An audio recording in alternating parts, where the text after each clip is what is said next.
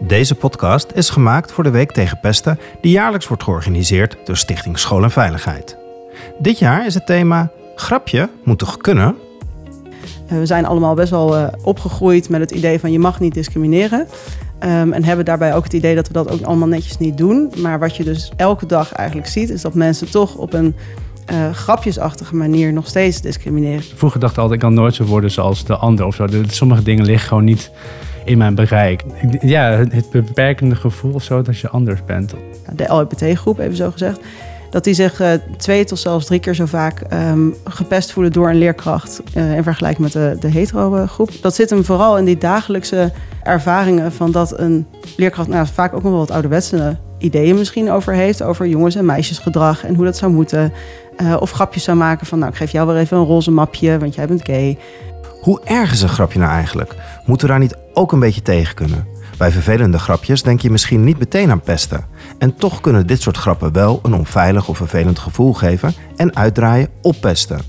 Op initiatief van Stichting School en Veiligheid spreek ik Tessa Kaufman en Peter Woe over de complexiteit van grappen. Wat kunnen we leren vanuit ervaring en onderzoek? En wat vraagt het van de school en van de leraar? Tessa, zou jij jezelf als eerste kunnen voorstellen? Ja, ik eh, ben eh, docent en onderzoeker eh, aan de Universiteit van Utrecht bij de afdeling Jeugd en Gezin. en ik doe al jarenlang onderzoek naar pesten en afwijzing en discriminatie. En in ons voorgesprek zei je, het is zo'n ontzettend belangrijk thema. Waarom is het een ontzettend belangrijk thema dat je meedoet aan deze podcast? Ja, er is de afgelopen jaren natuurlijk een enorme discussie gaande wereldwijd en ook in Nederland over afwijzing, racisme. Eh, maar daarin ook ja, de subtiele vormen daarvan. En er is best wel een polarisatie over, denk ik, waarvan sommige mensen ook zeggen: eh, ja, gaat het allemaal niet een beetje te ver? En te laten zien dat het niet te ver gaat en dat het nodig is, is denk ik juist nu heel belangrijk. Want waar doe jij specifiek onderzoek naar? Nou ja, eigenlijk naar, eh, naar, naar pesten dus en ervaringen van afwijzingen onder minder, sociale minderheidsgroepen. En dan specifiek eh, LHBT-jongeren. Ehm, en ja, hoe die zich dus eigenlijk op school ehm, en daarbuiten ook door elkaar afgewezen voelen, maar ook door bijvoorbeeld leerkrachten of andere volwassenen. Ja, daar doe je onderzoek naar en daar ga je zo meer over vertellen. Piet, Ja, wie ben jij en wat doe jij? hoi. Eh, ja, ik ben Piet Wu, ik ben journalist en schrijver en eh, programmamaker. En eh, ik heb een boek geschreven dat heet De Bananengeneratie. Waarvoor ik, eh, ik denk, 40 eh, Chinese Nederlanders eh, van de tweede generatie heb gesproken over hoe het is om op te groeien in Nederland. Dus eh, dan, dan komen thema's langs als bijvoorbeeld de liefde of eh, racisme of eh, je ouders of het groepsgevoel bijvoorbeeld. En ik heb daar ook een documentaire over gemaakt, Piet en de Bananen, voor de VPRO. Kan je in een paar zinnen kenschetsen hoe is het om deze achtergrond op te groeien in Nederland? Ik denk dat eh, een van de grote conclusies dan toch wel is dat je tussen twee werelden blijft zweven. Dus eh, thuis krijg je te maken met de druk van eh, het zijn van een migrantenkind. En alle, alle pressure die daarbij hoort van te moeten presteren bijvoorbeeld. En van de buitenwereld wordt het natuurlijk altijd gezien als anders. En ik denk dat ik dat veel, veel heb teruggekregen van de mensen die ik heb geïnterviewd. En waarom doe jij mee in deze podcast? ik denk te vertellen over mijn eigen ervaring, maar ook de ervaringen van de mensen die ik heb gesproken in al mijn onderzoeken en vooral mijn artikelen. Waarbij ik dan dus eigenlijk merk dat het gevoel van anders zijn, ook al wil je dat niet, dat het toch een eh, effect op je heeft. Eh, Specifieke thema, eh, grapje moet toch kunnen? Wat, wat heb jij met dat, met dat thema?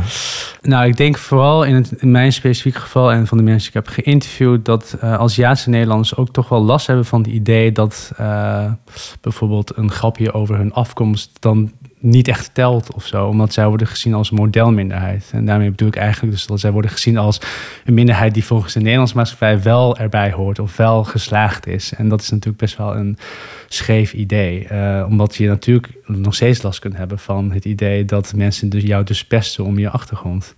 Is dat iets wat dagelijks in jouw leven gebeurt en oh, misschien in jouw verleden gebeurd is? Dagelijks is een groot woord, maar het heeft natuurlijk wel altijd effect op hoe ik bijvoorbeeld naar mezelf kijk. Als ik mezelf bijvoorbeeld niet gerepresenteerd zie in bijvoorbeeld de media die ik consumeer, of eh, dat ik kijk naar politici of het straatbeeld, of de grote kunsten, of de sport, of de talkshows, of de tijdschriftcovers, of de et cetera.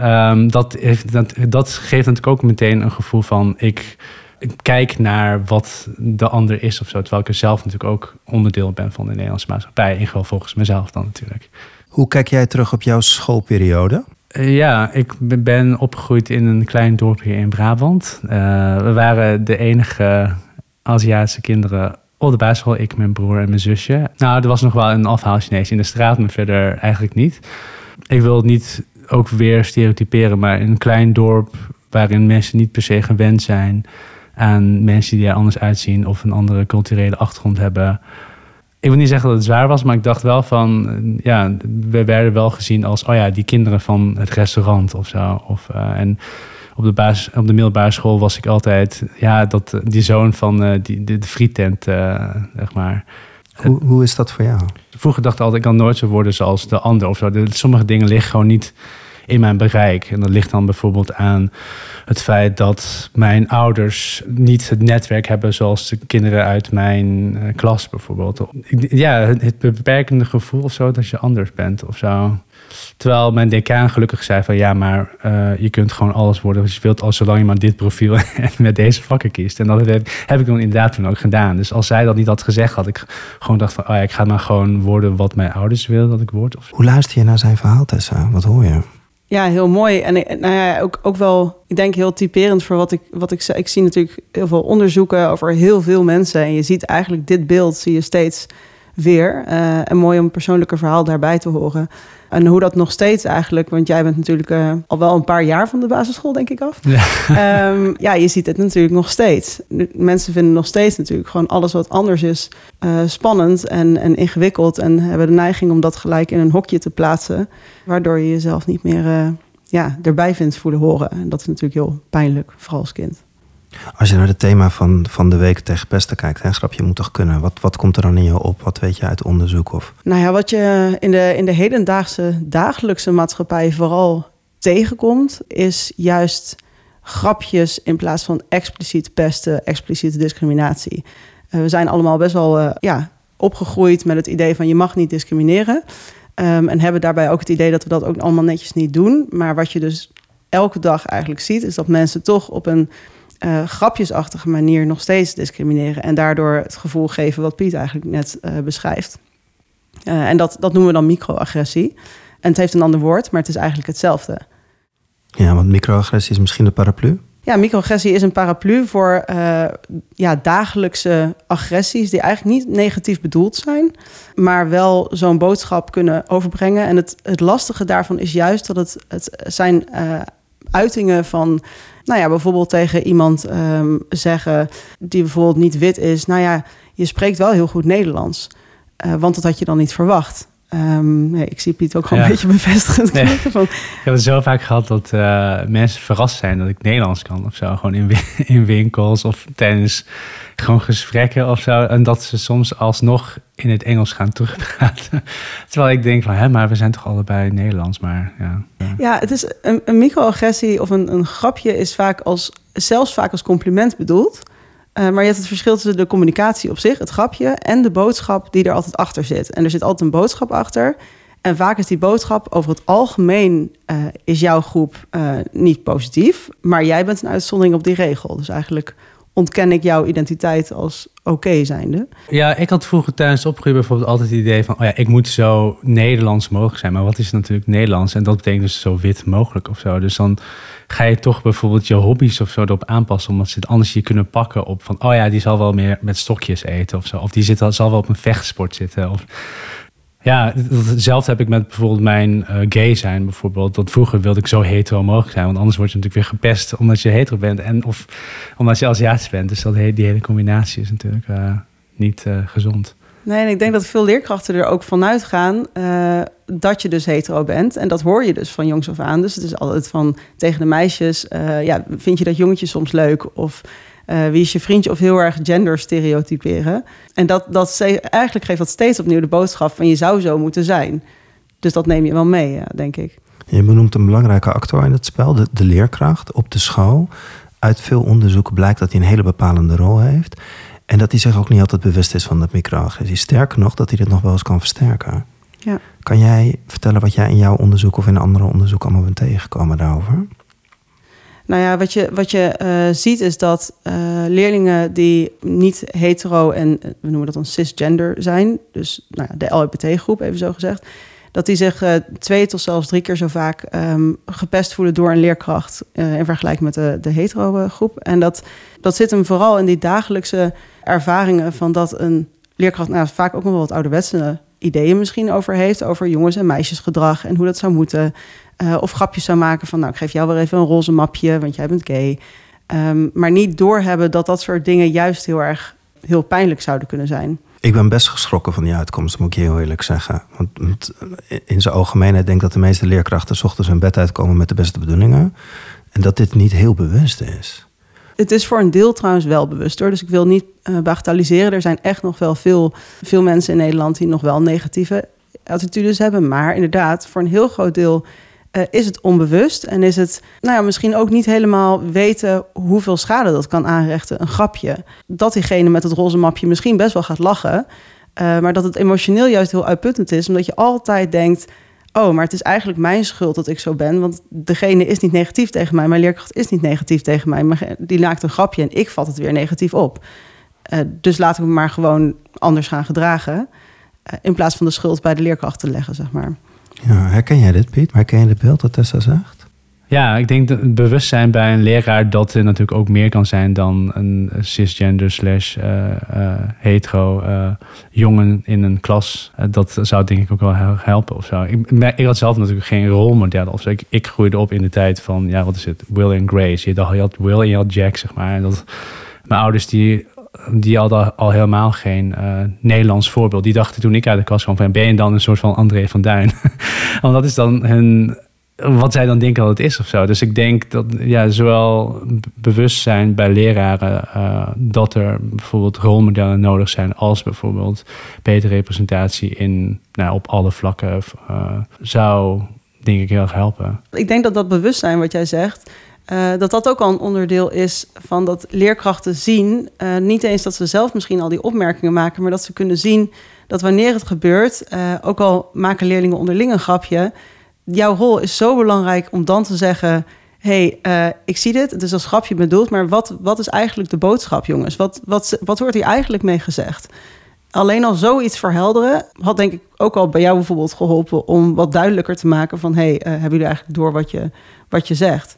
Ja, ik bedoel, heel veel mensen blijven hameren op inclusief taalgebruik. Maar dat geeft wel aan dat er ook nog andere opties zijn naast of ik meisjes leuk vind of zo. Ik had, dacht daar vroeger niet over na of zo. En toen werd ik verliefd op een jongen. Ik wist niet eens wat er gebeurde. Ik wist niet eens dat het, het kon of zo. Dus ja, misschien ben ik ook wel heel oud, denk ik. Dat ik dat in die tijd kom waarin bijvoorbeeld nog geen Netflix bestaat met heel veel LHBT-series of dergelijks. Maar in mijn tijd was het wel ja, schrikken of zo. Ik moest echt huilen toen ik dacht van... oh nee, shit, ik ben verliefd op een jongen. Wat, daar lees ik over in de breakout in de. Maar verder eh, ja, wist ik niet dat dit kon of zo. Mijn ouders hebben het nooit over gehad, mijn leraren niet. Dus, uh, ja. ja, en ik denk in de media komt het wel nu echt steeds meer voor. En is het ook zelfs een, een regel. Ja. Uh, maar ik vraag me af of het... Uh, nou ja, ik hoorde laatst dat er in schoolboeken bijvoorbeeld... ook nog steeds wel heel veel ouderwetse voorbeelden staan... waardoor niet alle kinderen zich heel erg gerepresenteerd voelen, denk ik. Even terug naar dat, naar, dat grapje. Op wat voor manier kunnen we nou leerkrachten helpen om in die klas of in die school meer veiligheid te krijgen door bewust te worden dat, dat het niet zomaar een grapje is, maar dat het echt een microagressie is? Ja, nou ja, ik denk dus inderdaad door het, um, en dat is ook wat je in de wetenschap wel als uh, meest aangeraden interventie ziet, uh, door het onzichtbare zichtbaar te maken, zeg maar. Dus door te, eigenlijk die onderhuidse boodschap duidelijk te maken van, nou, dit wordt verteld als een grapje, maar eigenlijk gaat het over een persoonlijke eigenschap, over een, een, breder iets wat in de maatschappij heel gevoelig ligt. Wat bedoelen we hiermee en wat zeggen we hiermee? En dat is bij een grapje is dat wel goed om dat boven water te krijgen, juist omdat het veel meer raakt aan dat je aan jezelf gaat twijfelen.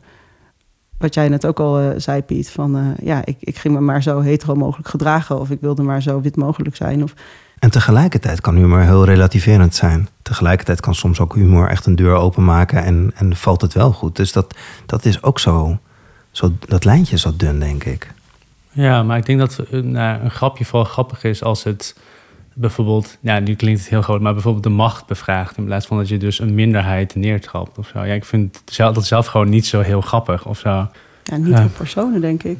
Ja, of personen die al gemarginaliseerd zijn. Dan denk ik, ja, bedoel, die, die krijgen zijn hele zijn, haar en hun hele leven al te maken met dit soort kleine druppels aan microagressies of zo. En dat, je beseft het misschien als grappenmaker niet of zo. Dat je dan niet denkt van ja, dit is gewoon grappig. Ik maak nu gewoon een grapje voor de groep of whatever.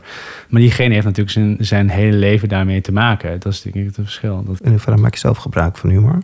Ja, humor is wel en denk ik wel een goede sociale ijsbreker. Maar ik bedoel, ja, ik kan me gewoon niet voorstellen dat ik een, bijvoorbeeld een jodengrap maak of zo. Of een, zeg maar wat. Dat zijn denk ik niet de meest grappige grapjes. En grapje hoort ook grappig te zijn, toch? Ja. Ik denk vooral dat er genoeg grapjes zijn die ook die grappig zijn kunnen zijn voor iedereen, denk ik dan. Ja, het is een heel ingewikkeld, want waar, ja, grapjes moeten natuurlijk gewoon kunnen en dat maakt het leven ook gewoon leuk. Uh, maar ik denk dat zodra je inderdaad probeert om niet grapjes over personen te maken, dat je dan al vrij veilig blijft. Uh, maar over situaties of over onverwachte gekke dingen die er gebeuren, of dan, dan zit, je, ja, zit je wel beter. Uh, en zelfspot kan natuurlijk ook, maar je moet wel oppassen dat je niet daarmee de hele groep die jij op dat moment representeert wel beledigt. Ik, ik zei wel eens een keertje zelf toen ik een, eh, een tuinbroek aan had van... oh ja, dan ben ik weer zo'n typische tuinbroekpot. Ja, dat is misschien voor mezelf op dat moment wel zelfspot... maar het kan natuurlijk wel dat iemand die naast me staat dat hoort en denkt... nou, ik vind niet zo leuk dat je, dat je onze gemeenschap zo afspiegelt. Dus het blijft eigenlijk wel een, een gevoelig, denk ik, thema om, om grappen te maken over ja, bepaalde kenmerken in de samenleving die... Uh, ja, gevoelig liggen. Nou, onlangs is ook dat onderzoek van de ombudsvrouw gekomen. Wat mij daar heel erg in opviel was dat best heel veel op, op school gebeurt. En als voorgesprek zei je dat is eigenlijk ook wel logisch, want daar zit ook alles wel door elkaar. Is dit thema, dat, dat, dat humor, dat met een grapje, zeg maar, microagressie, is dat specifiek ook iets wat dan ook meer op school voorkomt? Of is dit een thema wat eigenlijk van de metro tot school, van sport tot, is het, uh, tot online. Is het een veel breder pestprobleem eigenlijk, om het in algemene zin te vragen? Ja, het is een probleem in alle sociale interacties en in alle, ook, het zit op elk niveau eigenlijk van de samenleving. Een beetje in ons eigen beeld verknocht. Alleen al dat, dat je van de gemeente een brief krijgt met, waarbij je alleen of, uh, een, een brief krijgt met beste heer of mevrouw bijvoorbeeld. In alle formele, institutionele uitingen, zeg maar, zit het ook allemaal verweven. Uh, dus het zit overal. Maar ik denk dat je uiteindelijk zal zien dat de kinderen zich het meeste op school uh, ja, zich uh, op zo'n manier benaderd worden voelen. Geldt dat voor jou ook, Piet? Is, is, dit, is dit vraagstuk altijd het meest op school voor jou aandacht geweest? Ja, onder, ik zou zeggen onder andere op school of zo. Maar ik denk dat ik er veel, zelf veel bewust ben van geworden sinds, ja, ik denk de laatste tien jaar of zo. Uh, dus eigenlijk postschool. Dus dat je gewoon overal, uh, oh, nou, overal eigenlijk waar de norm is iemand die niet ik ben, zeg maar. Iemand is een, iemand die dus uh, een witte, cis, ja, een witte hetero man is. Ik zeg altijd als ik een lezing van uh, Arne Gunberg uh, binnenkom en iedereen is wit en dan zit, is er de een andere Aziat, dat mensen dan verwachten dat ik dan daarnaast ga zitten. Bijvoorbeeld van, oh ja, dat is toch geen bij wie naast. en ik weet nog bijvoorbeeld op school, toen ik van basisschool wisselde, dat uh, ik naast een uh, jongen werd gezet die de, ook een Chinese achtergrond had. Maar die was, zijn achtergrond was, eigenlijk sprak bijvoorbeeld Kantonees, wat ik helemaal niet sprak of zo. Maar de juffrouw zei gewoon van, ja, dan kun je gewoon le lekker met elkaar kletsen en dan kun jij de stad leren kennen of zo. En toen dacht ik, oh ja, zij beseft dus niet dat er dus heel veel verschillende soorten Chinese talen bestaan, bijvoorbeeld. En dat, het, dat was echt zo'n sportdude of zo. En ik was zo'n zo'n nerd dat dan een schriftje had met alle zoogdieren van de wereld of zo. Dus dat verschil, dat, dat ze dat dan niet opmerken, vind ik dan weer. Durfde je dat iets terug te geven? Nee. Nee, het was meer zo van, oh, oh, in. Oh, je spreekt wel Nederlands, maar geen uh, Mandarijn en geen... dus dat, ja, nee, ik was in die tijd, denk ik, toch ook niet zelfverzekerd genoeg om überhaupt zeg maar, op die manier uh, een zelfreflectie en een reflectie te doen, zou ik zeggen. Maar dat is dus ook wat het uh, juist zo moeilijk maakt, zo'n microagressie of een grapje. Dat, en ik denk dat dat goed is voor leerkrachten om dat dus ook te horen. Van ja, als iemand lacht om je grapje, dan is dat ook juist omdat ze denken: ja, ik, uh, ik vind het heel ongemakkelijk, maar ik ga gewoon mm. aan mezelf twijfelen nu. Dus ik ga maar lachen. Maar dat betekent niet dat ze het leuk vinden. Dat, ja, ik krijg denk ik sinds mijn boek en documentaire ook wel eens de kritiek van ja, maar dan uh, kom je toch gewoon voor jezelf op als kind. Of dan uh, moet je er gewoon iets terugzeggen. Of, maar dan denk ik van ja, maar ik heb niks in mijn leven gehad wat erop zou kunnen wijzen dat ik die zelfverzekerdheid al heb opgebouwd om überhaupt wat tegen te zeggen. Ik haal dat niet uit mijn wit zijn of mijn hetero zijn, want dat ben ik gewoon niet. Dus ja, ik denk gewoon als je op die manier een paar stappen, een soort van achterloopt of zo, dan heb je, moet je gewoon net iets harder rennen om zeg maar, zelf ook die, op hetzelfde niveau qua zelf, zelfverzekerdheid te komen.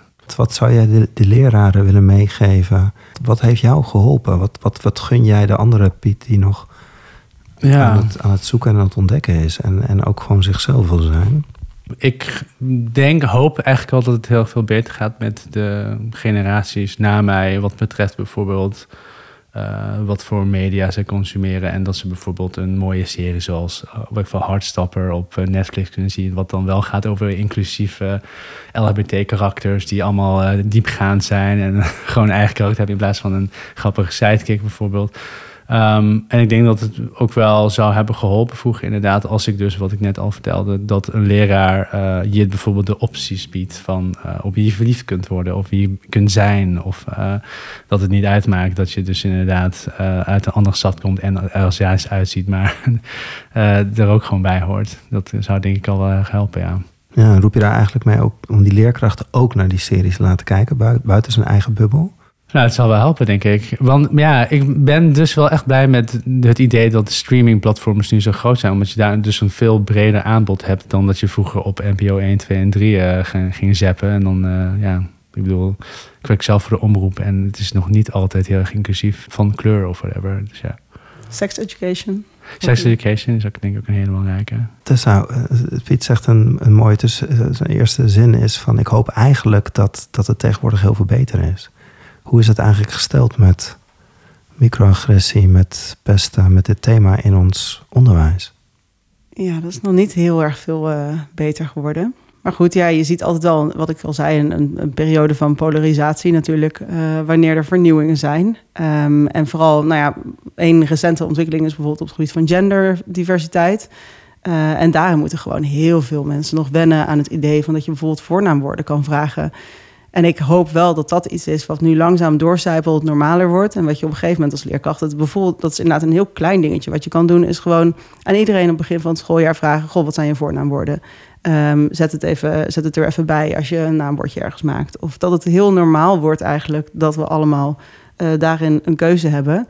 En uh, voorbeelden geven, bijvoorbeeld in, je, uh, in de voorbeelden die met wiskunde geeft, weet ik veel, waarin ook een keertje um, die of hen wordt gebruikt. Zodat leerlingen ook wennen aan dat taalgebruik en dat het niet iets ongemakkelijks wordt. En zie je daarmee ook nog verschillen in uh, basisschool, middelbaar onderwijs of verschillende typen van bijvoorbeeld middelbaar onderwijs? Of maakt dat eigenlijk niet uit? Loopt, is het door de band genomen? Echt ja. een aandachtspunt in alle vormen van onderwijs? Het is, het is in alle vormen van onderwijs een aandachtspunt. Um, er, het is moeilijk om het te onderzoeken, omdat je dan vrij grote steekproeven nodig hebt. Dus daar, dat is wel een plan van nieuw onderzoek wat we willen gaan uh, uh, uitvoeren. Maar het blijft zo dat hoe, nou ja, hoe hoog opgeleid je ook bent... Um, we hebben allemaal wel echt veel stereotype uh, ideeën over, over minderheidsgroepen. En juist ook in die hoogopgeleide groepen zie je dit vaak. Dus soms heel, heerst het beeld een beetje in de samenleving van ja, maar dit geldt vooral op de, uh, de MBO's bijvoorbeeld. Maar dat is niet het geval. Eh, ik kom op veel scholen en er zijn zoveel uh, identiteit en nationaliteit op zoveel scholen. Dus soms denk ik wel, het zit zo verankerd in die cultuur van, van de leraren. In de cultuur van de leraren dat zij zelf misschien juist die. Uh... Nou ja, de, de, de populatie is heel divers vaak. Of als je met kinderen praat, die diversiteit die is er. Daar, daar, daar, daar voel ik veel meer mildheid of veel meer dat het er is. Terwijl de wat oudere generatie, daarmee kijk ik mezelf aan, ja. daar veel meer moeite mee heb. Maar ik ga vast te kort door de bocht, maar jij zegt ja? Nou ja, dat is wel zo. Je ziet wel dat leerlingen van nu veel meer gewend zijn aan diversiteit. Maar dat het er is, wil vaak nog niet zeggen dat het ook geaccepteerd is. Uh, en dat hangt dus heel erg af van hoe veilig je school is en hoe, ja, wat, je, wat je leerkracht doet met als er toch racisme is. Want juist onderling zie je ook vaak dat uh, groepen elkaar weer uh, discrimineren. Dus ja, daar moet je wel alert op zijn. Nee, ik denk altijd aan het verschil tussen diversiteit en, inclusie bijvoorbeeld. Dus bij de een word je uitgenodigd op het feestje, maar de ander mag je ook de muziek mee bepalen. Als je bepaalt uh, wie je aanneemt bijvoorbeeld. Of uh, ja, dat heeft natuurlijk ook al heel veel invloed, bijvoorbeeld. Dus als je kijkt, mensen zeggen van ja, mijn bedrijf is zo divers. En dan kijk je, dan is de onderslaag natuurlijk super divers. Maar hoe hoog je komt, nou, dan komen bijvoorbeeld de witte vrouwen. En dan is dan ook divers. Dan daarna komt zeg maar alsnog een witte man of een, een bestuur of partners die eigenlijk alleen maar uh, een witte mannen zijn, bijvoorbeeld. En dan geldt dat dan als, al als diversiteit? Ja, maar geldt het als inclusief? Nee, natuurlijk niet. Ja, en nou ja, dat we, ik denk dus ook dat juist die mensen die daar zo hoog in de boom zitten op dat torentje, dat die juist kunnen gewoon moeten luisteren eigenlijk naar de mensen uh, die toch iets anders zouden willen zien. Omdat ik ook moet denken aan jouw vraag net over die leerkrachten die dan allemaal ja, zo'n diverse klas in zich hebben en misschien niet mee zijn gegaan met de modernere wereldbeelden. Dat is niet erg. Alleen het is vooral leuk als je dan luistert naar, naar de mensen uh, die op dat moment iets anders zouden willen. Moet je denken aan uh, John de Mol, die dan laatst toen zei van die vrouwen moeten gewoon dat drempeltje over. En toen dacht ik, ja, die, die heeft dus duidelijk niet geluisterd naar de vrouwen zelf. Die zeiden, uh, er moet iets veranderen. En dat luisteren is denk ik zo belangrijk. Ja, en dan bedoel je met echt aandachtig luisteren. Ja, ja, vragen. Wat, hoe, wat doet dit met jou? Zo'n, nou, bijvoorbeeld zo'n grapje. Uh, wat, of nou ja, niet per se alleen maar aan degene aan wie het wordt gezegd, maar ook aan iedereen. Van wat, wat zijn dat voor grapjes? Wat, wat doet dat als jou. Nou ja, dan kan je allemaal voorbeelden laten maken, uh, wordt verteld. Uh, wat doet mij dat zelf? Misschien bij stilstaan. Gewoon nieuwsgierig zijn eigenlijk. Wat ik veel merk is dat mensen hier zich meer in willen verdiepen. Of het niet, niet altijd bewust van zijn. En er morgen iets mee willen, maar nog niet de weg weten. Wat zouden we morgen kunnen doen? in je eigen zoektocht om inclusiever te worden? Ja, ik, vroeger, nou, ik raadde altijd de essaybeelden aan wit huiswerk. Waarin, nou, dat gaat dan inderdaad vooral op, op de snij, het snijvlak tussen, uh, nou, van racisme bijvoorbeeld. Uh, waarin ook, er staat toevallig gewoon een essay van mij in. Maar het, het, gaat dan bijvoorbeeld over wat je dus eigenlijk dus als uh, witte Nederlander kunt doen om nou, inclusiever taalgebruik te implementeren in je eigen dagelijks leven bijvoorbeeld. Of uh, hoe je een patronen kunt ontdekken in of iets bijvoorbeeld systematisch racistisch is bijvoorbeeld. En dat kun je natuurlijk allemaal vertalen naar alle andere, naar bijvoorbeeld seksisme of naar LHBT emancipatie bijvoorbeeld. Mensen zeiden vroeger altijd, oh maar ga je toch lekker een Chinese film kijken? En denk ik, ja maar ik ben eigenlijk geen, ik ben geen Chinees natuurlijk. Ik herken me niet in een verhaal dat zich afspeelt in China. Dat is niet mijn leven. Dus ik merk nu bijvoorbeeld wel dat er steeds meer films komen die in, in, zeg maar wel met die thema's bezig zijn. Zoals bijvoorbeeld The Farewell, bijvoorbeeld een hele mooie film. Uh, dat is mijn voorbeeld. Ja, en jouw serie zelf? En mijn serie zelf natuurlijk, ja, op VPRO, Piet en de Bananen. Um, omdat dat juist specifiek gaat over uh, um, de ervaringen van Aziatische Nederlanders ja, dus zowel vanuit de, Nederlandse, de witte Nederlandse kant als de Aziaten, hun ouders bijvoorbeeld, uh, als hun eigen omgeving, of bijvoorbeeld de LGBT-gemeenschap. Dus al die kruispunten komen daarin terug. En je, en je brengt jezelf zo kwetsbaar ook in, dat vond ik zo mooi erin. Ja, ik dacht dat het nodig Ik merkte bijvoorbeeld al in de gesprekken die ik voerde met, voor mijn boek, dus al die 40 gesprekken, dat zodra je zelf ook een beetje geeft, dat zij veel meer geven of zo. Omdat zij zich daarin kunnen herkennen bijvoorbeeld. En ik dacht, we hebben zo'n als Aziatische Nederlands zo'n armoede gehad aan herkenning of zo in de Nederlandse media. Dat dit gewoon de manier is, denk ik, om jezelf terug te zien en misschien jezelf ook een beetje soort van te heden of zo. Want je hebt het nooit gehad. Dus ja, ik, ik zoek even naar de relatie toch naar het, naar het zelfvertrouwen, wat je zelf dus blijkbaar gemaakt hebt. En wat je nu dus helpt om het thema op tafel te leggen. Ja, representatie is denk ik wel echt een heel belangrijk onderdeel van uh, zelfverzekerdheid of je, ja, je eigen en dan toch weer even de vertaling naar de, naar de klas en de leerkracht. Dus ook echt werken aan die vorming van die persoon. Dat helpt om zo zelfverzekerd, om ook weer kwetsbaar in de wereld te kunnen staan. Ja. Mooi voorbeeld. Jij bent het voorbeeld wat je zelf misschien... Ja, dat, uh, ik ben blij dat ik gewoon mezelf mag zijn. En intussen dus doing the work, zeg maar. Dus dat ja. is, uh...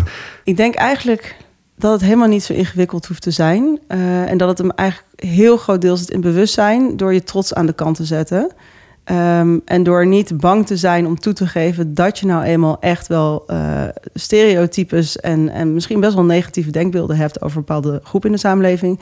En dat als je dat trots opzij zet en nieuwsgierig bent, dat je dan al heel snel elke keer bij jezelf kan nagaan van wow, dat is eigenlijk, wat doe ik eigenlijk uh, racistisch? Um, dat heb ik eigenlijk nooit doorgehad, maar nu ik het een keertje check bij mezelf, maar ook bijvoorbeeld bij collega's, door het een keertje gewoon bewust te maken en op tafel te leggen. Uh, dan weet je eigenlijk al heel goed dat je jezelf kan corrigeren of dat je iets anders kan zeggen. Ik denk dat dat het, het, belangrijkste is, door er gewoon echt bewust van te worden en er iets aan te willen doen. Wat je in die onderzoeken ook over, over inclusie ziet, is dat, dat als je dit doet en je, en je stapt over je eigen drempel heen of je kijkt in je eigen spiegel, en dat kan ook heel ongemakkelijk worden. Dan komen er ongemakkelijke situaties. Hoe ga jij of wat weet je vanuit onderzoek, of wat weet je vanuit je eigen ervaring, van hoe ga je dan eigenlijk met, met het ongemak op? Wat kunnen wij in het onderwijs als het ongemakkelijk wordt? Wat kan mij helpen Ja. om niet terug te gaan naar het bekende, maar juist door te gaan eh, naar meer inclusie? Ik denk wat wij altijd doen om ongemak op te lossen, is of het vermijden, of ja, eigenlijk uit te spreken en te zeggen: God, dit is nu echt heel erg ongemakkelijk. En dat de ander zich dan meteen ervan bewust is: Oh, ik word ineens veel minder oordelend, omdat je het zelf al uitspreekt. En dat laatste kan je als leerkracht volgens mij prima doen. eh, door gewoon te zeggen van, goh, ik merk nu, eh, jij, zegt dat jouw voornaamwoorden bijvoorbeeld die in hen zijn. Ik merk in één keer dat ik het heel lastig vind om ehm, een bepaalde zin over jou te vertellen, want misschien doe ik het wel helemaal verkeerd. Eh, en op het moment dat je dat zegt, dan kan je dat gesprek aangaan. En hoef je het niet meer te vermijden. Ik wil eigenlijk beamen, zeg maar, dat je inderdaad je trots opzij moet zetten. Heel veel mensen vinden denk gewoon echt ongemakkelijk om dan toe te geven dat ze, dat ze dus of homofobe of racistische of seksistische denkbeelden hebben. Terwijl ik denk, ja, we zijn allemaal in dezelfde maatschappij opgegroeid, toch? Dus we hebben het, maar we moeten het dus gewoon ontleren. En dat hele ding van dat je dus bewust van moet zijn dat je het eigenlijk al gewoon bent, zeg maar. Je bent gewoon, eh, je hebt gewoon racistische, homofobe, whatever denkbeelden. En die moet je dus, dan moet je dus toegeven dat het Ja.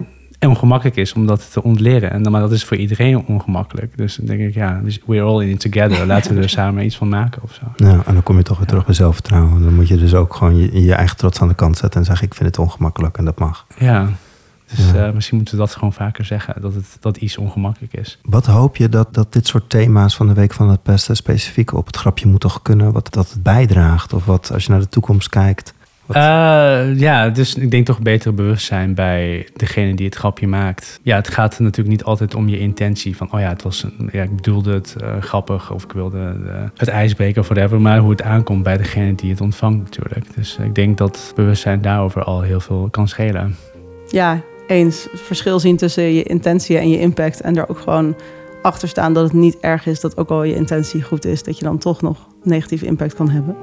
Eh, dus ik hoop heel erg dat daar inderdaad dat, dat daar leerkrachten echt nieuwsgierig naar zijn van hoe kan ik daar nog inclusiever in zijn eh, en hun trots daarin ook opzij durven te zetten.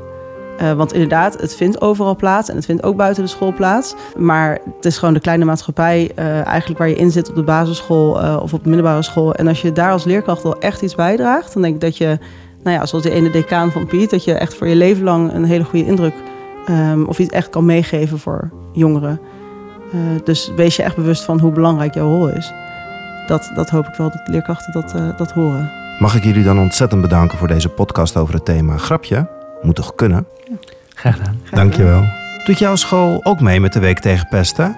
Meedoen is heel eenvoudig. Meer informatie vind je op www.weektegenpesten.nl. Hier kun je onder andere gratis posters bestellen, lesmaterialen vinden en je aanmelden voor interessante lezingen.